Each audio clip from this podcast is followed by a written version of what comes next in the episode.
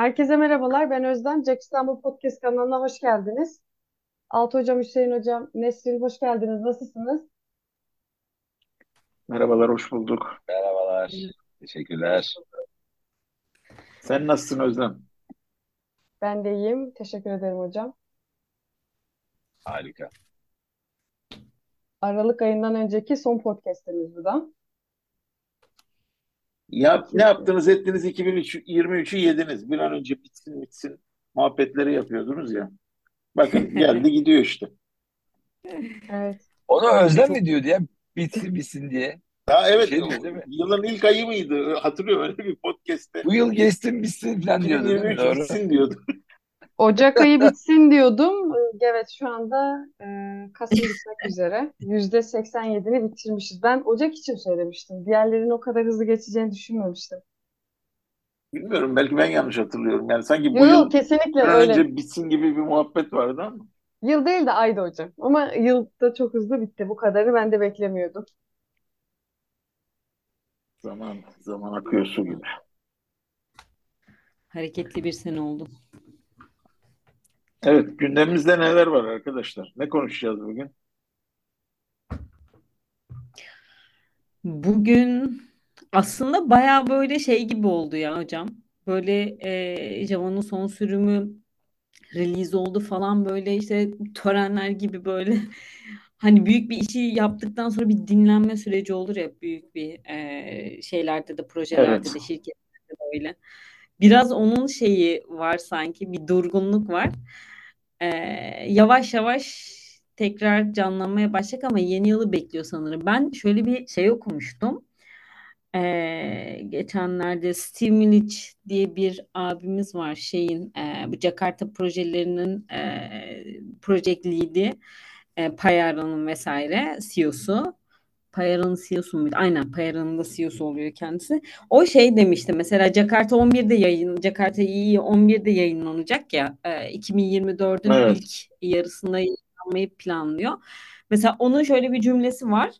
Ee, işte Jakarta e, 11 e, ilk büyük adımımız olacak aslında gibi bir cümlesi var. Ee, hani onu da şey için söylüyor. İşte 9 ve 10 sürümlerinde işte genel bir toparlamalar, işte e, işte isim uzayı değişiklikleri vesaire böyle. Hani o hazırlıklar, ön hazırlıklar yapıldı.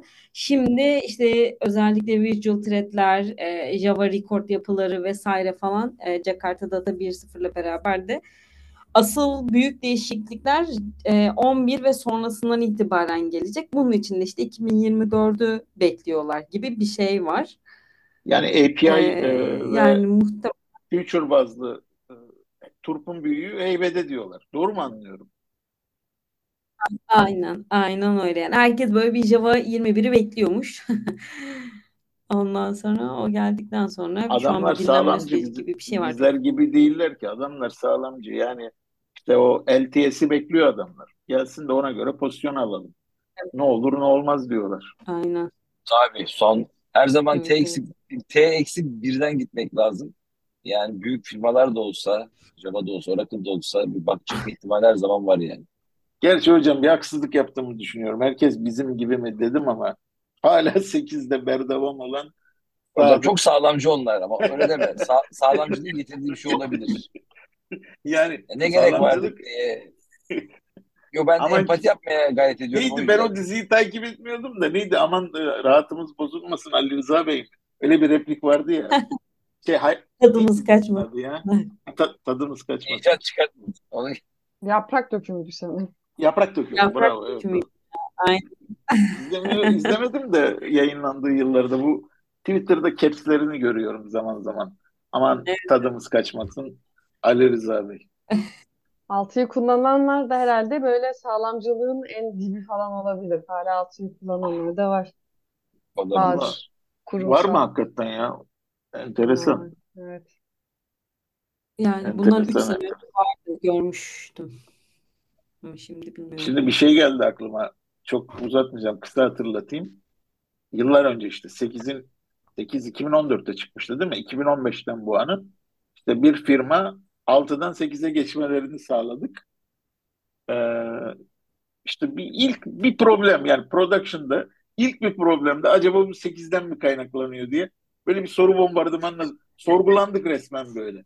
Yani insan öyle Bana bir anda sormadan bana sormadan nasıl geçirirsiniz? insan öyle bir anda insan öyle bir anda diyor ki ya bırak şunları diyor.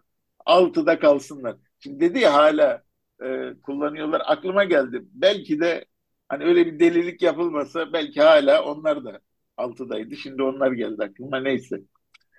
Şimdi Hocam, e, Altı Ha, buyurun. kullananların ortak özelliği hocam sağlamcılıkları mı diyorsun yani? hocam sağlamcılık yetersiz kalıyor. Başka bir kavramsallaştırma. Ölücülük diyeyim o zaman. Ona kış uykusu mu desek hocam? Ne desek? Hocam Nasıl bir akrep burcuyla bir ilişki kurmak istemiyorum ama. Ya iyi eleman bulabiliyorlar. O da ayrı bir şey yani. Hocam burç olayı tehlikeli. Geçenlerde bir sohbet ortamında bir burçla ilgili fikirlerimi serdettim. Sonrasında aklıma geldi. Aramızda o X burçtan olan var mı diye. Ve tabii ki sormaz olaydım. Meğersem varmış. Dolayısıyla size de tavsiyem önce hani şimdi bütün dinleyicileri bizim çek etme ihtimalimiz yok da en azından Haziran'ı bir çek etmek lazım. Sallamadan önce acı Evet ama- evet ama Java 6 ile bir korelasyon olabilir bence. Evet, bu kadar sağlamcılık. Vallahi olabilir. Şaka bir yana ya tabii burada ya nasıl diyeyim? Ya şunu da görüyorum mesela mülakatlara giriyorum ediyorum falan. Hani CV'de hala eski versiyon işte ilgilenmiyor. Yani iş yerinde kullanıyorsa o da onu kullanıyor mesela. Hani birazcık daha böyle bir yatırım meselesi bu aslında. Zaman harcama konusu. E, Bilmediği şeyden ürker tabii insan. Bu doğa yapısı gereği. O yüzden e, tam son edge böyle en uç noktada gitmenin de riskleri var doğru. E, ama bir noktadan sonra ara açıldığı zaman onu kapatmak da zor oluyor. Vallahi hocam şimdi tartışma farklı yerlere evrilsin istemem de burada geliştirici sorumluluğu diye bir şey de var. Şimdi yönetici pozisyondaki isimler hani bu mesleki detayları burada e, hani bir eski bir sürümde uzun süre kalmanın handikaplarını bunları tam olarak kestirmelerini beklemememiz lazım. Burada birazcık da geliştirici sorumluluğu var. Yani bir takım bir ekip içinde hani bunun farkına varıp bir şekilde üstlerini hani bilgilendirmiş ve onlar aman şimdi biz mevcut işlere bakalım demişlerse bir lafım yok. Ama benim de tanık olduğum, şahit olduğum, gördüğüm genellikle böyle bir dert geliştiricide de yok. Kendi şeyimiz için konuşuyorum, komünitemiz için. Ee, Yani- çok nadir oluyor o tarz bir sıkıntı. Ee, şimdi şeyi biliyorsunuz hocam, yakınlarda Spring işte bu 2x'li sürümler için 8 e, şeyini de kaldıracak, desteğini de kaldıracak. Ondan sonra biz mesela bazı şeyleri duyabiliriz, bazı hikayeler. Geçiş hikayeleri ve Evet. ara bu kadar açıldığı için e, atıyorum işte e, hani geçmişken 11'e değil de işte 17'ye, 21'e geçelim diyenler olacaktır. Ve çok da daha sıkıntılı olacaktır. Böyle hikayeler duyabiliriz diye düşünüyorum. Buna benzer Yani bir biraz- hikayeyi be- ben yaşadım. Yani şey proje tamamlandı etti. Tabii böyle e, e, bu kod coverage'lardır ya da işte kod kalitesidir. E, onlara çok dikkat edilmemişti. E, son dakikada kodların hepsi e, işte SonarQube muydu hatırlamıyorum. Statik kod taramasına girdiğinde işte Spring'in o versiyonundaki bug'lar vardı. E, Java 8 ile yazılıyordu. 17'ye çıkar 17'den sonrasında düzeltilmiş olarak gözüküyordu. Mecburen 8'den 17'ye geçirilmişti. Çok hızlı bir şekilde. İstenince yapılıyormuş demek ki. Evet, Hüseyin Aynen. hocamın dediği şeyin aynısı yaşandı. Yani çok mecburiyetten bir anda e, herkes Java 17'yi öğrenmeye başladı. Öyle geçince de şey olmuyor mesela mentalite geçmiyor bu sefer de. Yani o zorunluluk olduğun zaman mesela ne bileyim Java 8'in ya da Java 14 mesela bir record kavramı şeyler hani Kesinlikle. daha böyle işi kolaylaştıracak yapılar yine kullanılmıyor. Doğru. Doğru. Yine- Ya var ama özellik yok. Değil mi? Özellik kullanmamışsın yani. Geçmişsin ama boşu boşuna geçmişsin gibi. Biraz öyle de olabiliyor ya. İşte onun için de biraz da ekiplere o anlamda da hani ekiplerin kendilerini yenileyebilmesi anlamında bir hedef falan da koymak lazım. Yani salt şöyle bir şey de doğru değil.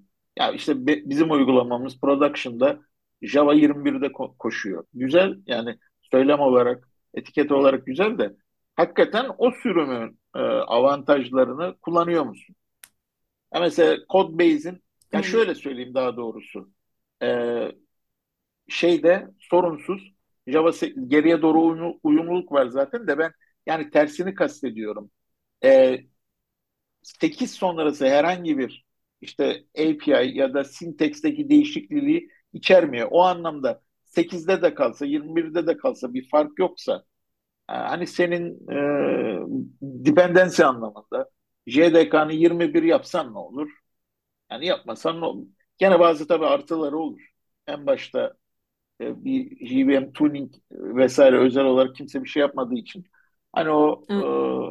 Garbage collector algoritmalarındaki iyileştirmelerden yine mutlaka bir kazançlar olur ama ben geliştirici developer perspektifinden bakıyorum. Yani o projedeki arkadaş o anlamda kendisine bir şey katabilir mi? Katamaz. Dolayısıyla valla bu işler bir bütün. Gene böyle şeye negatif e, mo- moduna girmeyeyim. Bu işler bir bütün. Yani hem hedef koyucuların, lead edenlerin e, böyle dertleri olması lazım. Hem geliştiricinin iştahlı olması lazım. E, yani işte bunlar olmadan olmuyor. Ondan sonra sadece tüketici oluyorsun. Follower oluyorsun. Takip edilen olmuyorsun. Doğru şöyle bir şey ekleyeyim abi sana. Abi burada developerların bu noktada dik durması çok önemli. Yani burada mesela işte Kanban'daki intangible work diye yani nasıl diyeyim geliştirmeye dönük iş tipleri vardır. Tam bir geliştiricinin gün içinde yaptığı işler vardır. İşte bug çözer, geliştirme yapar. Ama sürekli de geliştirme yaparsa bu da olmaz. Orada dik durup diyecek ki benim teknik borç demeyelim ama hani geliştirmeye dönük iş yapacağım. Benim işte bu, bu haftaki benim işlerimin yüzde X'i, yüzde yirmisi onu neyse bir politikaya bağlanmalı.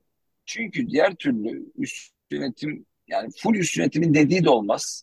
Full developer dediği de olmaz. Bu denge içinde olması lazım. Bunda mesela yalın dünyadaki bunun ismi catch ball diye geçiyor. Hani üst taraftan sana bir şey Hmm. gönderiliyor, bir istek ama alt tarafta diyorsun ki bu olmaz.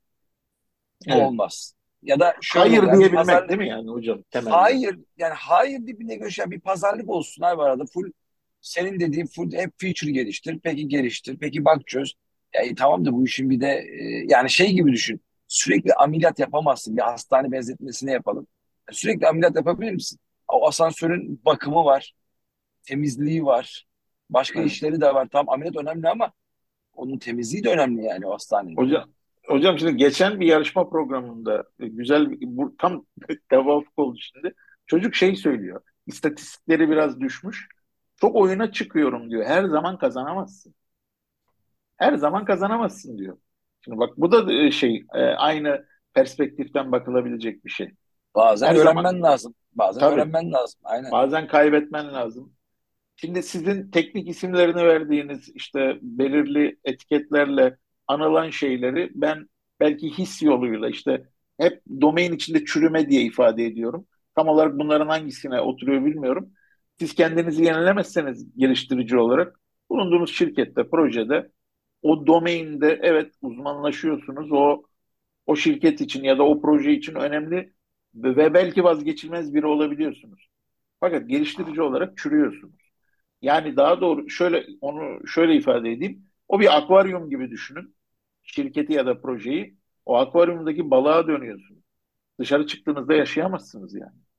Onun Abi için herkes. Doğru. herkesin kendisini yenilemeye, geliştirmeye bir zaman ayırması lazım. Ama böyle bak derdi varsa Derdi var ama bak şu anda bizim Agile kılığı altında aslında çok büyük kötülük yapılıyor. Bilmiyorum belki bunun bilincine çok ileride biz varacağız. Ee, abi Agile altında hani bunu bu sprinte ekledik. Şunu şu sprinte aldık. Ya paso bir depar yarışı var. Bu deparda da kimse bu tür işlere dönüp bakma ya da bu tür politikalar koyma farkındalığına varamıyor. O zaman ben de şunu diyorum yani e, kaliteyi yani bu aslında konuştuğumuz şeyler kalitenin bir parçası diye düşünüyorum. Doğru muyum? Hani Java'yı yükselt, Java'nın şu versiyonu kullan. İşte kalite yani e, kaliteyi Agile'la kurban etmeyin diyorum o zaman. Yani bu bu bilinçte de olmak lazım. Kaliteyi Yani, Agile'e kurban etmeyin. evet, evet. Yani çünkü o Agile çok kandırmaca bir Agile günümüzde özellikle. Ee, ne Java'yı sen upgrade edebilirsin, ne kendini geliştirebilirsin, ne recordlara bakabilirsin, ne teknik borcunu ödeyebilirsin. Çünkü paso sprint'te depardasın. Tabii ki araya alan işler vardır ama hani o sprint gol hep bir şeyler yapalım. Ya bir şey yapmayalım yani. Bir kalite yani bir ay duralım hani. Hani oruç gibi yani bir ay bir şey nasıl yemediğimiz gibi ki Toyota fabrikalarında da bu var. Red Hat'in de bu var. Abi duralım teknik borcumuzu temizleyelim. Ya da kendimizi geliştirelim. Yani şunu yapalım. İşte bunun için bir mind, o kafa yapısının farklı olması lazım. Kalite kafası olması lazım. Diyerek Java'ya dönelim diyorum. Çok uzatmayayım. Bana kalırsa ben çok konuşurum bu konuda. Çok dertliyim.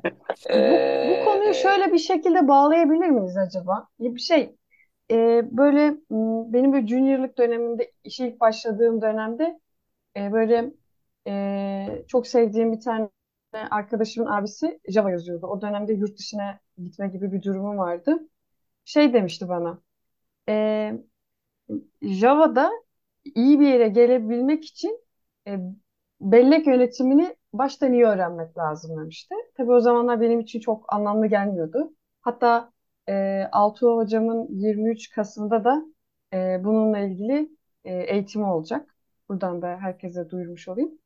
Sonra zamanla şöyle bir şey oldu. İşte bu stackler, heap'ler, garbage collection'lar, JVM'ler falan filan artık yazmaya başladıkça işte kodları yazıyoruz, canlıya çıkıyor, sürekli patlıyor.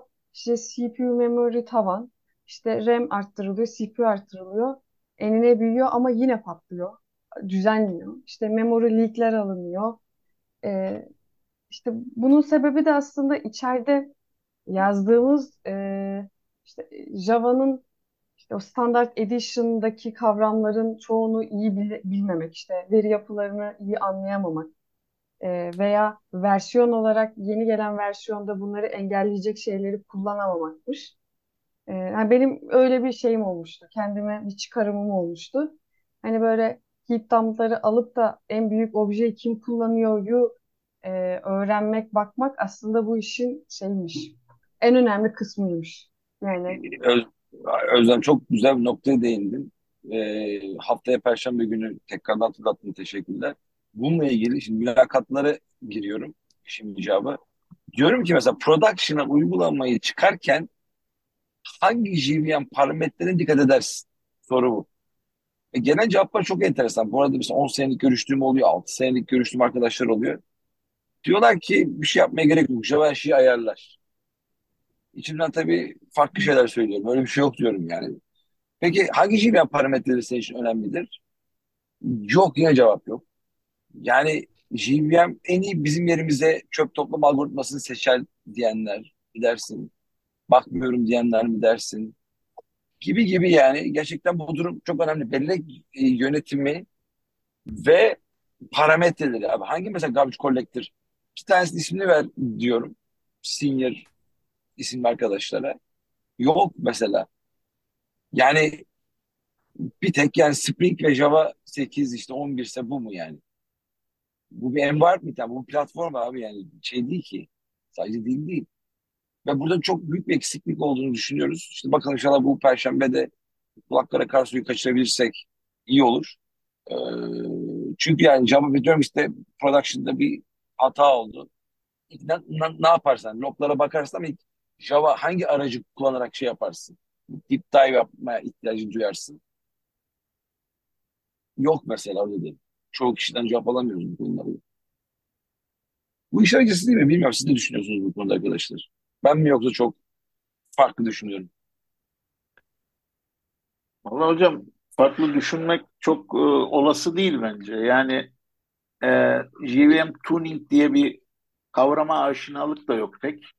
E, biliyorsunuz en sıkışılan anda ilk akla gelen şey bu biraz özellikle şimdi artık bu bulut ortamda tabii ki sağlayıcıların da çok işine geliyor. İşte kaynak arttırımı, RAM'i evet, arttır, evet. instance sayısını arttır falan. E, bir, bir bakalım bir uygulamanın, projenin bir tomografisini çekelim. Ee, acaba bazı yerlerde hata yapıyor muyuz? Mesela koleksiyonları nasıl kullanıyoruz? Ee, Ağrı, ağrı, ağrı kesiciyi basıyor diyorsun yani. Biraz RAM arttır, yani evet, arttır. RAM arttır, o arttır. futbol maçlarında Aa, var ya sihirli bir fıs fıs var böyle. Sıkıyorlar. Adam ölüyor. 20 takla atıyor yerde. Geliyor onu bir sıkıyor hocam. Birden iyileşiyor eleman. Bir 10 GB RAM veriyorsun kendine geliyor diyor. Aynen öyle. Bütün mesele bir dediğiniz gibi işte X GB'lık bir arttırım. Ya evet Bir de bunu ben de biz, kurumsal biz çok yaşadık e, Nesin kusura bakma böldüğüm sözünü. Hani hep böyle e, RAM arttırıyoruz, CPU arttırıyoruz ama evet e, anlık olarak onu çözüyor. Belki bir sonraki production'a kadar çözüyor. Yeni ye- bir sonraki production'da yine aynı sorunla karşılaştığında Aa, burada bir problem var. Yani bu CPU veya RAM ile ilgili değil. Bu ne kadar büyüyecek? Dediğim, dediğim Özlem noktada bunu araştırmaya başlamıştım. İşte memory leakler, işte e, dump'lar hani burada başka bir şey yapılması lazım. O zaman anlamıştım. Hani birazcık da belki merak etmek ya da üstten gelen bir şeyin seni yönlendirmesi gibi. Çünkü hani hiç kimse şey demiyor ya bu kodda bir sıkıntı var mı? Bu kod niye böyle çalışıyor? Ya da hani JVM parametrelerine biri bakalım. Hiç denilmemişti yani bu zamana kadar. işte o yüzden onlar çözüm değil zaten. Yani sorunu halı altına süpürmek gibi bir şey. Ee, ben e, işte yılı tam hatırlayamıyorum da e, Give Basic'le e, bir uygulama yazmıştım. E, uygulamayı yazdık, işte verdik. Bir seçim dönemi bir siyasi parti kullanacak. E, o kadar sap yazmışım ki e, out of memory vermiş uygulama. Fakat o zamana kadar öyle bir şeyden haberim de yok. Yani bu tarz her bir sap yordama bellekte bir alan ayrıldığı falan. Kendimizi geliştirici zannettiğimiz dönemler. Mesela öyle bir problemle karşılaşmıştım ve kötü bir sürpriz olmuştu. Yani seçim akşamı. Uygulamayı yazarken, test ederken bir şey yok. Ee, seçim günü e, o uygulama yararlanamadı adamlar. Yani patladı. Çok acı bir benim için ne oldu? Tecrübe oldu. Yani ondan sonra mesela tabii ki ulan bu neymiş, nasıl oluyormuş bu iş? Allah Allah bellek yönetimi diye bir şey mi var diye e, sorular e, zihnime üşüştü. Ondan sonra dikkat etmeye çalıştık falan. Yani demek istediğim aslında bunlara düşmemek diye bir şey yok. Kim, e, kimse mükemmel değil ve annemizin karnına bu bilgilerle dünyaya gelmiyoruz. E, Karşılaştığımız problemlerden sonra öğrenmemiz lazım. Ya o yüzden bazen e, Altı Hoca birkaç beraber çalıştığımız projede o çok güzel bir sözdü ondan ilk duyduğumda. Ya hata olsun ki öğrenelim ve gelişelim demişti. İşte hatalar sizi geliştiriyorsa eyvallah ama e, şey gibi o bir hadis-i şerifte de vardır ya aynı delikten iki defa ısırılmaz. Abi aynı delikten 20 defa ısırılıyorsan olmuyor. Sen ondan da o zaman ders almıyorsun. Ya bugün 5 GB arttırdın, yarın e, bir arttırım daha yapalım, bir arttırım daha yapalım. E, olmuyor ki öyle. Sen o zaman kök probleme bir odaklan. Ya da bir Şimdi sunucu daha koyalım, buraya bir payara daha koyalım gibi durumlar gibi. olabilir. İsterseniz biraz aksı değiştirelim. Çünkü Evet. çok negatif moddan gittik. Ben e, geçen aylarda e, vakıf olduğum biri yeni, biri sanırım daha önce çıkmış ama yeni e, şey oldum, muttali oldum. İki cepten bahsedeyim. Biri aslında draft. Şimdi bir tanesi cep 461 stream getiririz diye. E, bu e, şey var ya intermediate operasyonlar Stream API'da. Bunların customize edilmesine dönük, e, customize edilebilir olmasına dönük bir cep. Güzel bir cep 461. E, takip etmeye çalışacağım. İlginç şeyleri var. E, enhancement önerileri var. Bir de Head of Time Completion ile ilgili for the Java Virtual Machine diye bir draft yayınlandı. E, buradaki şey de ana motivasyon da e, aslında Galahad'dan bahsetmiştik hatırlarsanız. Daha önceki oturumlarda ona paralel bir şekilde işte burada daha JVM için daha hızlı başlatma ve temel execution'ları yürütmeleri native derlenmiş Java e, uygulamaları ve kitaplarını yükleyebilecek şekilde JVM'i geliştirme üzerine bir teklif. Hani biliyorsunuz çeşitli compiler'lar var. İşte C1, C2, JVM-C gibi. Mesela C2 şeyle plus plus'la galiba C++ ile yazılmış bir compiler'dı. Yani bu compiler'ların, bu derleyicilerin e, JVM kullanması için kodu head of time derleyebilmesi amaçlanıyor bu ceple. E, ve burada da Galata bir referans yapmış e, ilgili öneriyi hazırlayan arkadaşlar.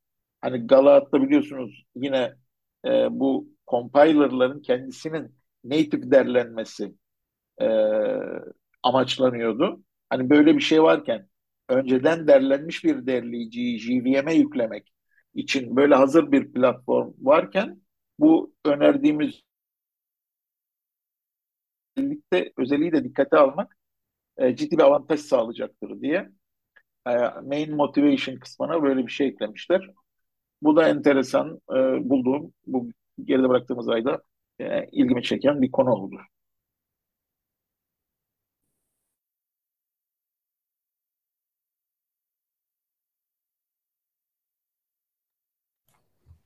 Nesrin'in notları vardı. Nesrin e, sen devam etmek ister misin? Senin demin sözünü de kestim. Kusura bakma tekrardan. Yok, estağfurullah. Yok, ben zaten benzer şeyler söyleyecektim. Ee, benim de e, şey e, yani notlarım arasında gördüğüm iki tane böyle öncelikle şu var şu bayağı güzelleşiyor. Mesela Spring Boot e, hani böyle Spring Boot olmadan önce ya ben çok fazla çalışmadım Spring Boot öncesinde belki çok hatırlamıyorum gibi bir şey ama 2-3 sene gibi bir şey çalıştım herhalde. Hani bütün konfigürasyonları kendimiz yapmaya çalışıyorduk. Sonra Spring Boot bir geldi işte aslında en çok kullandığımız yapıları kendi içerisinde almaya başladı. Biz işte o konfigürasyonlarla uğraşmamaya başladık vesaire falan. Şimdi mesela e, aslında bu anlamda e, bayağı güzel toparlanmaya yani devam ediyor. E, güzellikleri devam ediyor Spring Boot'un. E, 3.2.0'ı e, Snapchat'ı yayınlanmıştı en son. Ben onunla biraz bakmıştım da e, bir önceki konuşmalarımızda şey yapmıştık hatırlarsanız. E, JDBC Client ona benzer olarak JDBC Client geliyor. Öncekindekinin adını unuttum. Ha REST Client'tı. E, Spring Cloud uygulamalarında böyle web client falan kullanabiliyoruz. E, Fluent API olarak e, modunda kullanabiliyorduk. Sonra onu REST'e de getirdiler. Yani alt tarafta REST template'i kullanan bir REST client yazmışlardı. E, şimdi de aslında JDBC template kullanan e, projeler içinde yine JDBC client getiriliyor. Aslında buradaki e, standartı oturtma, oturtmaya çalışıyorlar, oturtuyorlar da bence bu çok güzel oluyor. Ee, mesela en burada konfigürasyonla uğraştığımız yapılar JDBC template kullanmaktı. Hatırlarsanız kullanmışsanız row mapper'lar falan ayrı bir klasa row mapper yapıyorduk. Her bir tabloya karşılık gelen kolonu birbiriyle kıyaslıyorduk vesaire. Bunlardan bayağı kurtaracak aslında yeni gelen e, feature'la beraber JDBC client yapısıyla. O güzel olmuş. E, yani Spring Boot bayağı böyle standartlaşma yönünde çok güzel adımlar atıyor. Özellikle bu kollar, an, kol e, yapıları ile ilgili bayağı bir ortak standart bir şey çıkıyor ortaya. Nesrin bu tam olarak ne sağlayacak onu anlayamadım ben. Ee, varsa detay paylaşabilir misin? Şöyle, yani en sayıda yani örneğin MySQL içinde, PostgreSQL içinde vesaire ortak kullanabileceğiniz e, bir katman gibi mi? Mesela JPA gibi bir arayüz gibi mi? Eriş e, kalıcılık katmanıyla interaction gibi. Şöyle aslında yapı olarak mesela bir değişiklik yok. Ama mesela şöyle düşünelim. REST client geldi ya. Şimdi REST client ne yapıyor? Normalde biz REST client yokken REST template yapıyorduk ya. Bir REST template tanımı yapıyorduk. Evet. işte evet. auto ediyorduk. Sonra onun HTTP client'ını e, falan ayrıca tanımlıyorduk. Birbirinin içine injekte ediyorduk vesaire falan. Şimdi bu yapıyı e, REST Client'la beraber şeye çevirdiler. Fluent API şeklinde yapmaya başladılar. Yani işte REST Client nokta dedikten sonra işte bize tek tek yani girmek istediğimiz e, ne derler parametreleri yani, girmek istediğimiz alanları nokta diyerek alabiliyoruz. Şey yani gibi. Builder hmm, pattern gibi build... kullanabiliyorsunuz. Evet. Aynen. Tamam. Aynen. Şimdi JDBC Client'ta da aynısını yaptılar. Yani önceden JDBC template vardı. JDBC template'in içerisine SQL komutlarını vesaire falan giriyorduk. Hatta onu bir row mapper klası oluşturuyorduk. E, bir klas oluşturup onu row mapper'dan extend ediyorduk yanlış hatırlamıyorsam. Tek tek çok böyle. Çok uzun yıllar oldu. Ben e, kullanmıştım da detaylarını ben de hatırlamıyorum açıkçası. Ama çok performanslı JDBC template diye hatırlıyorum. Bulk evet evet. En, çok performanslı. Aynen çok performanslı çünkü daha e, o dönüşüm işlemlerini falan aradan kaldırmış oluyor. Daha performanslı. Sadece ona ona da standart getirdiler. Yani artık biz JDBC e, template kullanan projelerde de işte JDBC client'e geçtiğimiz zaman ayrı bir row mapper klasları oluşturmaya her bir objeyi e, işte gidip şeyin database'deki bir e, tablonun kolonuna tek tek biz eşliyorduk normalde bunları. Onları mesela artık aradan kaldırdılar. Yine JDBC Client'le beraber nokta nokta diyerek böyle e, API'ını değiştirdiler aslında JDBC Client. Yani hepsinin e, REST yani client, kaldırdılar işte değil de JDBC daha kolay figüre edebiliyoruz. Tabii yani kaldırdılar demek Tamam, doğru. anladım. Doğru olmaz. Aynen. Yeni sürümle beraber bunları standartlaştırmaya başladılar. O e, bayağı bir güzel olacak. Ya bu da aslında Spring Boot'un e, ne kadar böyle belli bir e, seviyeye kendisini getirdiğini gösteriyor. Hani JDBC template mi kullanmak istiyorum ya da JDBC client kullanmak istiyorum.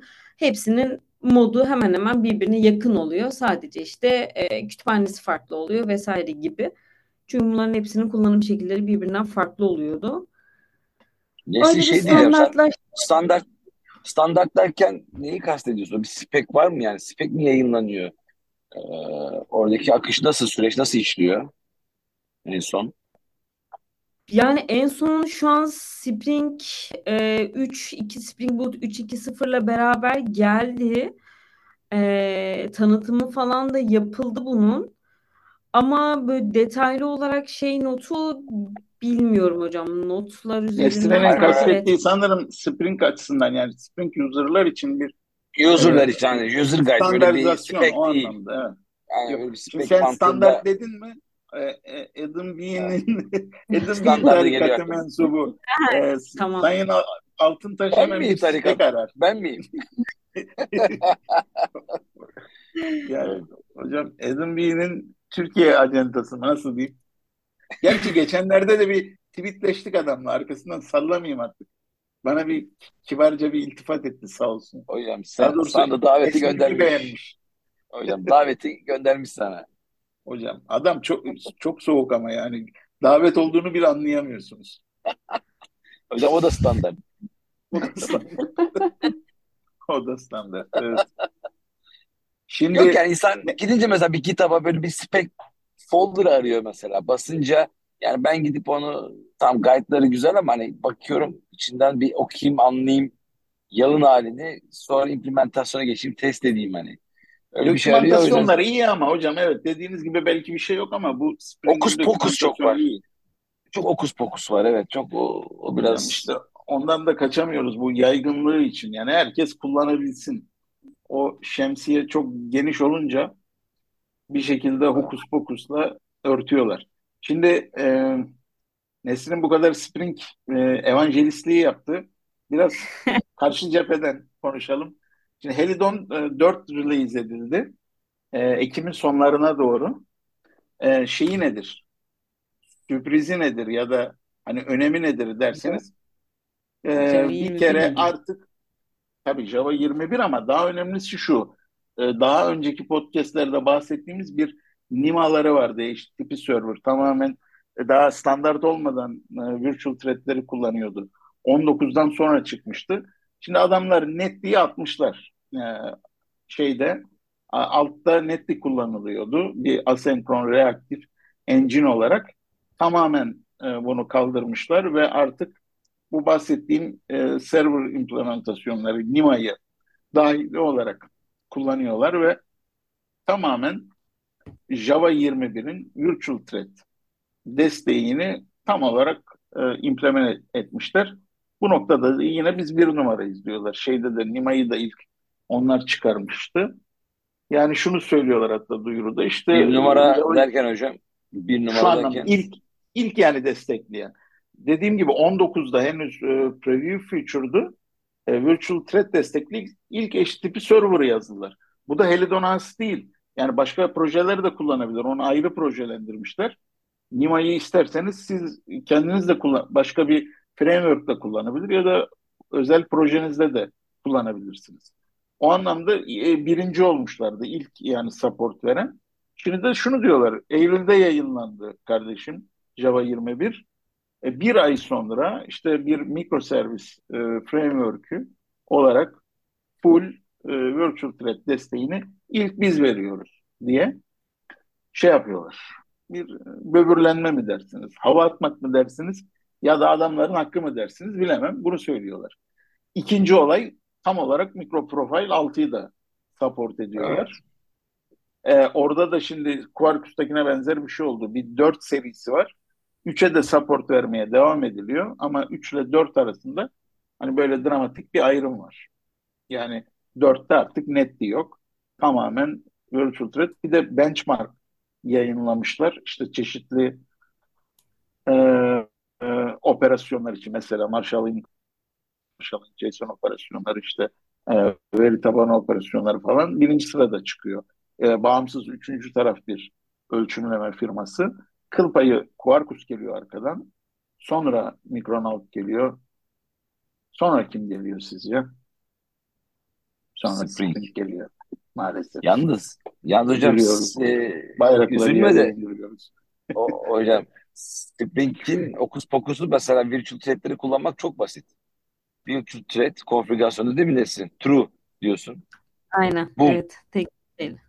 Evet ama bunu konuşmuştuk müthiş. hatırlarsanız. Bunu konuştuk hatırlarsanız. Hocam şimdi bir kere yani o tarz bir Hepsini destek diğer diğerlerinde de var ama siz şey yapamıyorsunuz. Ee, mesela bak Helidon'la ilgili merak ettiğim de o. Ee, onu nasıl ayrıştırmışlar diye baktım bir şey göremedim. Ee, yani e, bütün HTTP requestler için ya virtual threadleri kullanıyorsunuz ya standart bildiğimiz regular e, OS threadleri. Fakat Quarkus burada e, endpoint bazlı yani A noktasında virtual thread'i B'de e, standart threadleri kullanayım diyebilme olanağı sunuyor. Yani o yüzden orada bu ben bir çok görmüyorum. profesyonel. Bu çok tabii. İnce işçilik. Fine grained diyorlar ya böyle ince işçilik, ince taneli. Öyle bir işçilik Evet. var orada. Ama Helidon e, işte o bahsettiğim benchmark testinde e, bütün case'lerde az farkla da olsa şey çıkıyor. Quarkus'un önünde çıkıyor. Ha bunda acaba bu son e, işte virtual thread hadisesinin ne kadar payı var? Onu bilmiyorum. Bir de hakikaten CPU bound e, case'lerde nasıl etkileniyor? O konuda bir şey bulamadım. Bu Dimitri var ya projeyi lead edenlerden biri. O Twitter kullanmıyor galiba. Onu bulabilseydim Twitter'da soracaktım ona. Medium üzerinde public olarak sormak istemedim. Bu arada arkadaşlar bunu da hani bu vesile yapan mutlaka vardır. Ee, yani şöyle bi- bizim kültürümüzde mi diyeyim, ülkemizde mi diyeyim? Yani genellikle birilerine ulaştığınız zaman size pek dönülmüyor ve dönüldüğü zaman şaşırıyorsunuz. Nadir oluyor. Ama e, bu tarz case'lerde bundan çekinmeyin. Ben mesela hakikaten bir şeye takıldığım zaman ya adam mesela Twitter'da olsaydı ona sorardım. Ve genellikle dönüyorlar. Mesela Clemente bazen aklıma takılıyor bir şey soruyorum. Cevap veriyor. Mesela Günler Morling'e soruyorum. Adam cevap veriyor. Şimdi bu güzel bir şey. Bizde pek yok. Şimdi e, başka bir konu olacak ama burayı da dinlemez ama olsun. Çok seviyorum. Buradan bari teşekkürümü ileteyim. Bir e, Ayhan Çitil Hoca var. E, 29 Mayıs Üniversitesi. Felsefeci. Adama mail attım. Ya 15 dakika geçmedi bana döndü. Öyle şaşırdım ki. Genellikle bizim ya içeride böyle bir akademisyen, gazeteci ya bu tarz ben soru sormaktan hiç çekinmeyen biriyim. Böyle en sayıda isimle irtibat kurmaya çalışmışımdır. %70'i 80'i dönmez. Ya da döner dersin ki ulan keşke dönmeseydim. Tamam mı? Genellikle öyledir. Hakikaten maalesef. Ama Belki de hocam değişiyor burada hocam ya. Ya belki de değişiyor hocam. hocam Dönemde daha artıyor artıyor. yani Yani ben kendi tabii Türkiye'de ki sınırlı gözlemime dayarak dayanarak evet yani öyle öyle niyet edelim. Yani Enerjiyi evet çağıralım. öyle diyelim ama işte Ayhan hocama öpüyorum buradan sevgiler saygılar. Ee, adam 15 Evet. dakikaya dönmüştü şaşırmıştım. Şimdi burada da Hocam, burada da şeyi buyurun bağlayabilirim. Kusura bakmayın sözünüzü böldüm ama demin Altı Hoca'ya bağlamıştım. Şimdi de size bağlayacağım. Şimdi bu buyurun. saydıklarınızın çoğu Java şampiyonu. Ben de geçen gün şeyi merak ettim. Bu işte OCA, OCP, OCM sınavları var işte biliyorsunuz zaten Oracle'ın Evet, düzenli evet. sınavlar. Ben zamanında Java 8 sınavına girmiştim falan. İşte Hı hı. ben de Java şampiyonluğunu böyle bir şeyde bekliyorum. Ha dedim acaba ne koşulları arıyorlar da böyle işte ayda bir kere birileri çıkıyor işte Java şampiyonu oldu falan filan diye. Sonra aslında şeymiş 375 kişiymiş bunlar. Zaten Oracle support ediyormuş. Hı Ve hı. içeriden biri sizi repere etmediği sürece siz bir Java Evet. şampiyonu olamıyormuşsunuz. Tabii tabii Aynen. öyle kapalı devre bir sistem var orada. evet hiç böyle bir şey beklemiyordum. Ben şey bekliyorum. O sınavlardaki gibi koşullar bunlar. Paranı yatırıyorsun, giriyorsun sertifikanı alıyorsun Yok yok. şey düşündüm. Sonra işte hani bu kişilerden bekledikleri özellikleri sıralamışlar. Bu demin sizin anlattığınız şeyleri bekliyorlar. E, size soru soran insanlara hızlı dönüş yapmak, işte konferanslara katılmak, işte komiteye yüksek oranda destek vermek gibi. Hmm. E, yani belki şey olabilir hani o söylediğiniz kişiler böyle bir kapalı devrenin içinde böyle özelliklerde ol- olduğu için oluyor olabilir. Yani ben Doğrudur. evet, onu soracaktım sizlere. Hani, hani ben hiç böyle bir şey beklemiyordum. Hani kafamda çok başka bir şey vardı Java şampiyonluğu ile ilgili. Çok başka bir şeymiş. Benim Hatta bildiğim şöyle bir, biri işte öneriyor hakikaten ama evet, tabii geçmişte yaptıklarını da ortaya koyuyor. Örnek veriyorum işte Özlem şu şu işleri yaptı geçmişte. Şu an şunlar üzerinde çalışıyor falan. Bir nevi bir oylama oluyor hani böyle evet, içlerinde. Bir, birkaç kişi aday oluyor. Hangi periyotlarda tam bilmiyorum. Onun da sağlam bir sistematiği var mı? Ama periyodik olarak Twitter'da görüyoruz öyle bir hesap var yani duyuruyor işte falan Java şampiyon oldu gibisinden. Yani sen resmi böyle bir sertifika gibi, diploma gibi hani e, o tarz formel bir yapı var diye düşünmüşsün. Hiç evet. kendini yalnız hissetme. Ben de öyle sanıyordum ama değil. Dediğin gibi oluyor olay. Evet, bir de Java şampiyon olunca bir daha e, eski şey gibi hani e, asker olunca Ölene kadar. gelemiyormuş. Ölene kadar öyle olabiliyorsunuz. Ben de merak ettim hani Türkiye'den birileri var mı diye. Var. gördüm Mert Çalışkan. Az, e, çok var canım. E, ilk Java şampiyon bir Türk Özcan Acar. Evet Özcan evet Acar. onları hiç şey yapma yani Ya benim için böyle şeydi orası çok başka bir yerdi böyle kafamda başka bir yere koymuşum hani hep de böyle yabancı isimleri falan görünce ya da Java diye gelenlerin hepsi işte Java şampiyonu title'larıyla da geliyorlar ya böyle hep o ön Evet. hiç ona da dikkat etmemişim hatta belki şey bile yapabiliriz Ee, hani Türk olan e, birkaç kişiye hani rica edip e, zaten Java şampiyonları destek olmayı isterler diye düşünüyorum. Hani bir Java şampiyonu olma süreci nasıl oluyor? Belki İşte önce bence şeyi araştır Özlem. Aforoz mekanizması var mı? Ha, Varsa okey. tehdit edersin. Dersin ki bak çağırdım gel Gelmedi. raporlarım, ihbar ederim falan. Şey, Bilmiyorum bunu var bir de mı mail yoluyla yazayım değil mi hocam? En azından kanıtlayabilirim. Tamam, tabii tabii. tamamdır. Onun sayısı da belliydi sanki değil mi? O, o, o, o tarz bir şey okumuştum.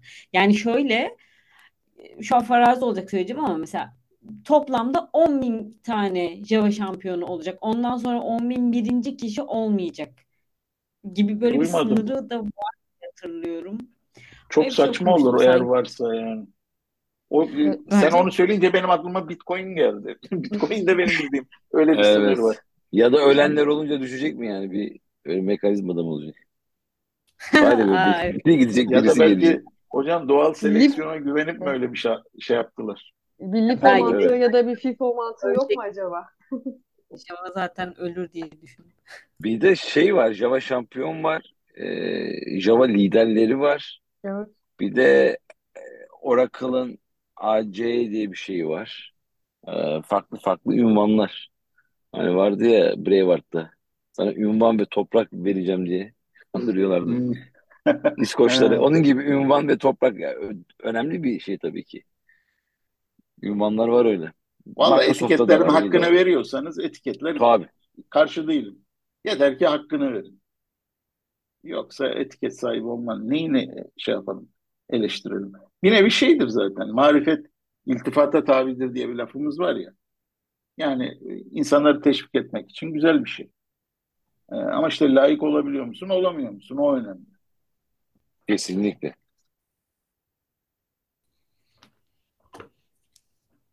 Ben de Evet, şey isterseniz size şunu soracaktım. Ee, buyurun. bu Neti, e, Jet'iden bahsettik ya. Bunlara Evet. ismen e, neyi söylersek altın doldurmuş oluruz. Yani örnek veriyorum Payara bir uygulama sunucusu diyebiliyorum. Application server diyebiliyorum. Ee, Evet. Bu, diğerlerine nasıl hitap etmek lazım? Yani çünkü çok farklı kaynaklarda farklı şeyler yazıyor. Ben de ne zaman telaffuz etsem böyle şey oluyorum. Kalıyorum yani Evet. o şeyini bulamıyorum onu. Aradaki fark şu e, basitçe Özlem. Şimdi e, Jetty dedin mesela. Jetty bir servlet container.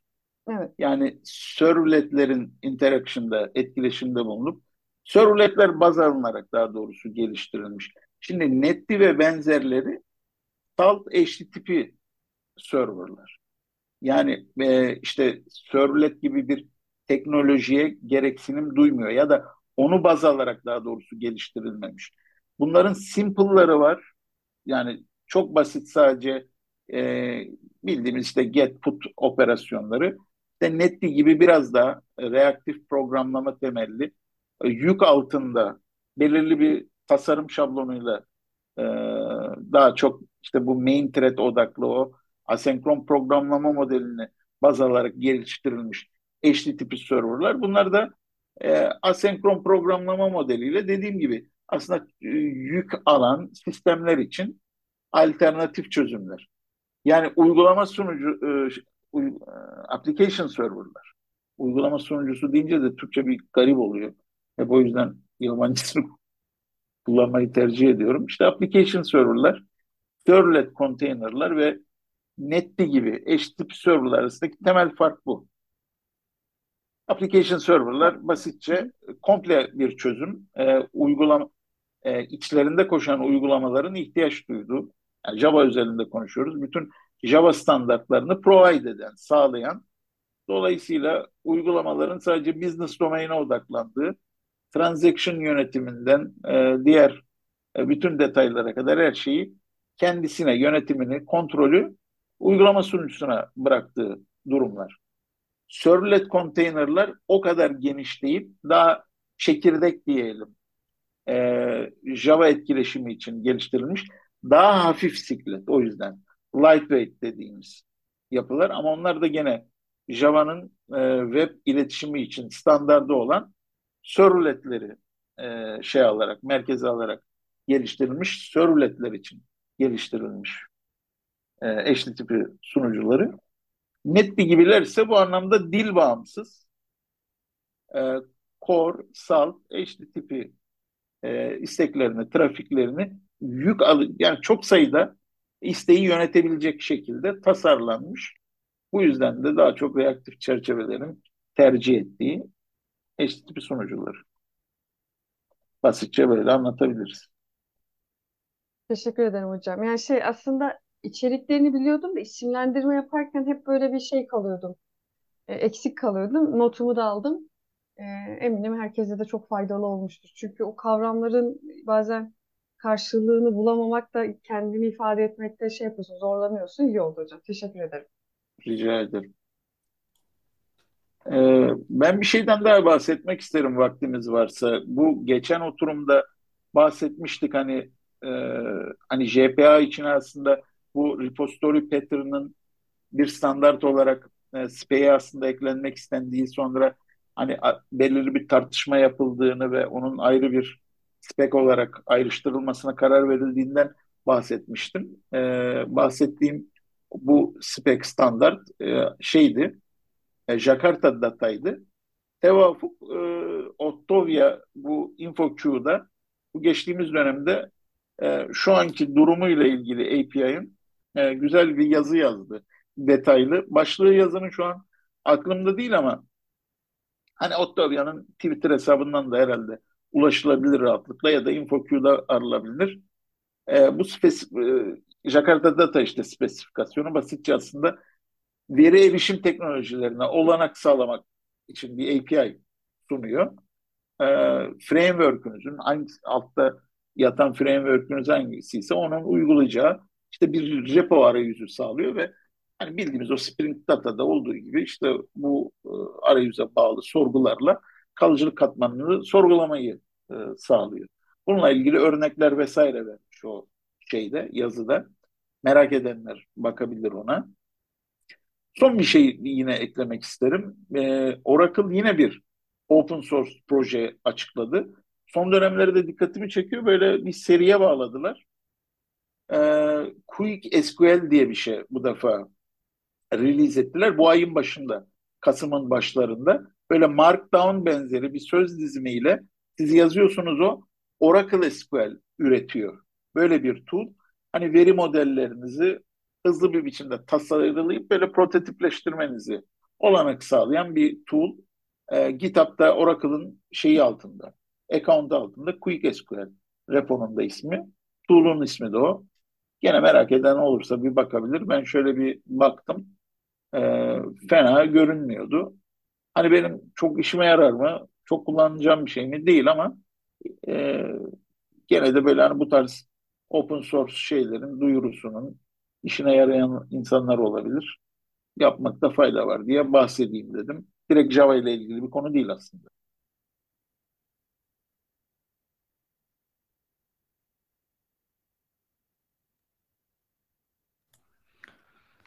Notları bir toparlayacak olursak e, var mı bu eklemek istediğiniz başka bir şey burada? Benim bir e, son bir eklemek istediğim bir şey var. E, şeyle ilgili hmm, yine Oracle'dan Paul Sandoz'un bir e, maili mi denir aynen bir mail üzerinden tartışma başlattı. E, şöyle bir şey Ağustos ayında oldu diye hatırlıyorum. Ağustos muydu, Eylül müydü tam hatırlayamadım şeyini ama bir proje duyurusunda bulundular aslında. Ee, Babylon diye bir proje, işte Babil projesi diye geçiyor. Türkçesi Babil projesi diyebiliriz. Ee, böyle bir proje başlatma yani başlatmaya karar vermişler. İşte amaç da şu, e, işte Java'yı işte GPU, e, GPU yani şöyle dur daha doğrusu daha güzel toparlayayım. Hep GPU kelimesi geçtiği için e, Java developerları e, Nesrin, bir GPU unutma, programlama sözünü unutmadık. Soğuk espri yapacağım. Bir zamanlar Hı. şeydi, ben de o aklıma tabiydim.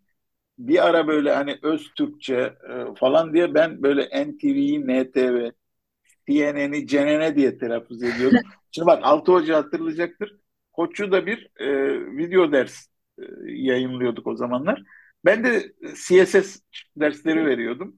bir, bir, bir video boyunca 30 dakika boyun- boyunca CSS'e CSS demiş. Tamam mı? Evet yani orada öyle ibretlik bir kayıt olarak duruyor. Ha, ayıp mı günah mı değil ayrı şey de. Sonrasında onun zararlarının farkına vardım maalesef. Yani bizim sektör için. Ee, şimdi o geldi aklıma. Senin de GPU, CPU öyle bir olaya mı dayanıyor? Onu merak ettim. Ama Aynen, öyle de diyebiliriz. GPU da diyebiliriz. No problem. Aynen. GPU da diyebiliriz. Yok bu aslında burada GPU değil de GPU de GPU C, GPU arasında böyle bir kaldım. O bir kaynadı. Ee, aslında şöyle amaç şu işte bir e, geliştiricinin diyor işte Java'da bir e, GPU çekirdeği ya- yazabilsin. Yani rahat bir şekilde yazabilsin ve bunu bir GPU'da çalıştırmak istediğinde de çalıştırabilsin. Ee, zaten projenin adının Babil olmasının da aslında biraz önemi şuradan geliyor. Yani ismi e, anlamı biraz yani projenin isminin hikayesi şu. E, işte Babil Mezopotamya e, antik e, Mezopotamya antik Babil kenti olarak biliniyor ve orada hani e, kültür kültürel ve tarihi önemiyle ünlü bir şehir. Aslında burada da projede de amaç şu e, Java'yı e, biraz böyle merkezileştirmek istiyorlar. İşte ne gibi merkezleştirmek istiyorlar? İşte e, GPU kernel e, kodlamak isteyen de rahat kodlayabilsin ya da işte makine öğrenmesi yapmak isteyen de belirli standartlarda yapabilsin bunu artık. Şimdi deminki standart kelimesiyle bu şey olmasın, e, karışmasın. E, şunu söylemek istiyorum aslında. E, adamlar diyorlar ki işte bir Java geliştiricisi işte diferansiyel denklem yazmak istiyor demin diferansiyel e, problem çözmek istiyor daha doğrusu şey üzerinde e, projesinde ya da işte bir GPU kernel yazmak istiyor. Bunu normalde de yapabilir. Hani Java ile bunu yapabilir ama belli bir standartta yapamıyor. Kendi var olan standartını çok fazla bozmak zorunda kalabiliyor. E, aslında bunları biraz ortadan kaldırmak istiyor. Zaten hep projenin tanıtımında falan da e, bir videosu vardı orada da izledim de hep şey diyordu. Tedious Code, Tedious Code diye böyle gösteriyorlardı. Hani hakikaten büyük büyük kodlar ve bunları niye biz böyle yapalım? Derleyicinin yapabileceği şeyleri ya da neden e, yazılımcı yapmak zorunda kalsın? İşte bunu çok daha kısa, çok daha anlaşılır ve standart API'lerle yapabilirler aslında. E, aslında dediğim gibi hani Java'yı biraz daha böyle farklı kullanım amaçlarını e, hizmet eden projelerde de ortaklaştırmaya amaçlıyorlar. E, projede herhangi bir cep falan yayınlanmadı. Buna başlayacaklar. E, ne zaman 2024'ün başında sanırım cep yayınlamaya da başlayacaklar diye biliyorum. Böyle bir Ee, projeye artık makine öğrenmesini vesaire de Java üzerinde çok daha rahat yapabileceksiniz gibi bir iddiaları var.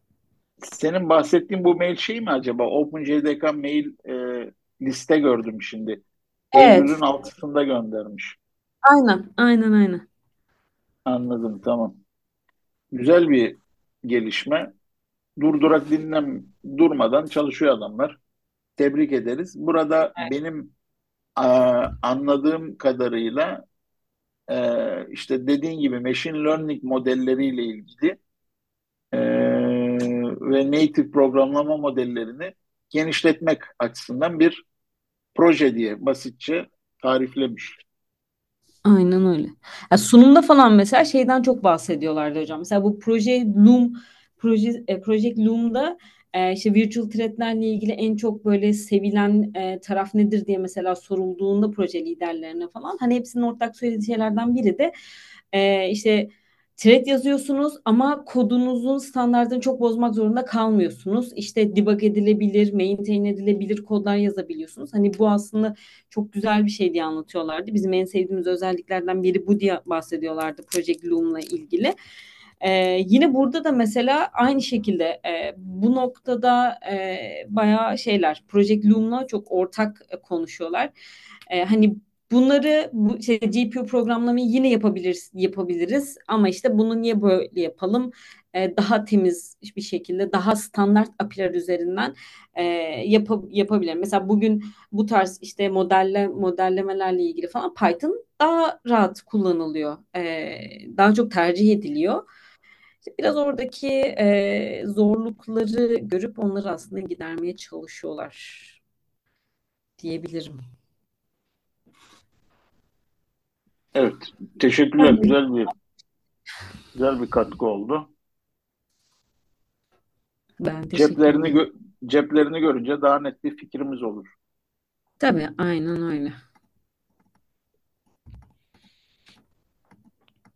Hüseyin Hocam var mıdır sizin eklemek istediğiniz veya Altı Hocam? Yok benim teşekkür ediyorum Özlem. Ee, Teşekkür benim ederiz. konuyla ilgili yani şey olarak yok. Ee, ben biraz böyle atom projesinden de ufak bir bahsedeyim. Ee, atom projesine başladık. Ee, ben Mentim'le beraber yaklaşık iki haftadır çalışıyoruz. Ee, beraber e, şey projeleri incelemeye başladık. Ee, sanırım yine Hibernate projelerinden birinde, e, bir iki projesinde daha doğrusu issue'ları inceledik. Orayla e, şey ne derler? Bunu unuttum. Kelimeyi unutunca çok kötü oluyor. Neyse. Ee, beraber çalışmaya başladık. O tarafta işler bayağı güzel gidiyor. Ee, onun da bilgisini vermiş olayım. Yani bir sonraki süreçlerde de dinleyen arkadaşları da e, katılmaya beklerim. Katılmalarını beklerim daha doğrusu. Bayağı güzel, tatlı bir süreç oluyor.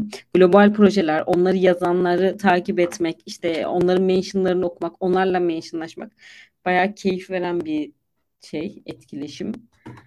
Bunu da belirtmiş olayım.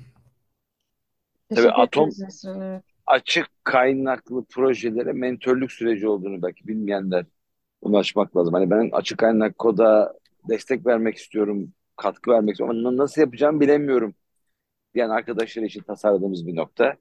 Teşekkür ediyoruz Nesrin. Ve son olarak da o zaman Java Day'in Call for Paper açıldı. Evet. Hani başvurmak isteyen, yönlendirmek isteyen olursa oradan da girişleri bekliyoruz arkadaşlar diyerek teşekkür ediyorum ben de. Çok teşekkür ederim. Ağzınıza sağlık. Bir sonraki podcast'te görüşürüz. Hoşça kalın. Teşekkürler tekrardan. Hoşça Hoşça kalın. kalın. Hoşçakalın. Bay bay.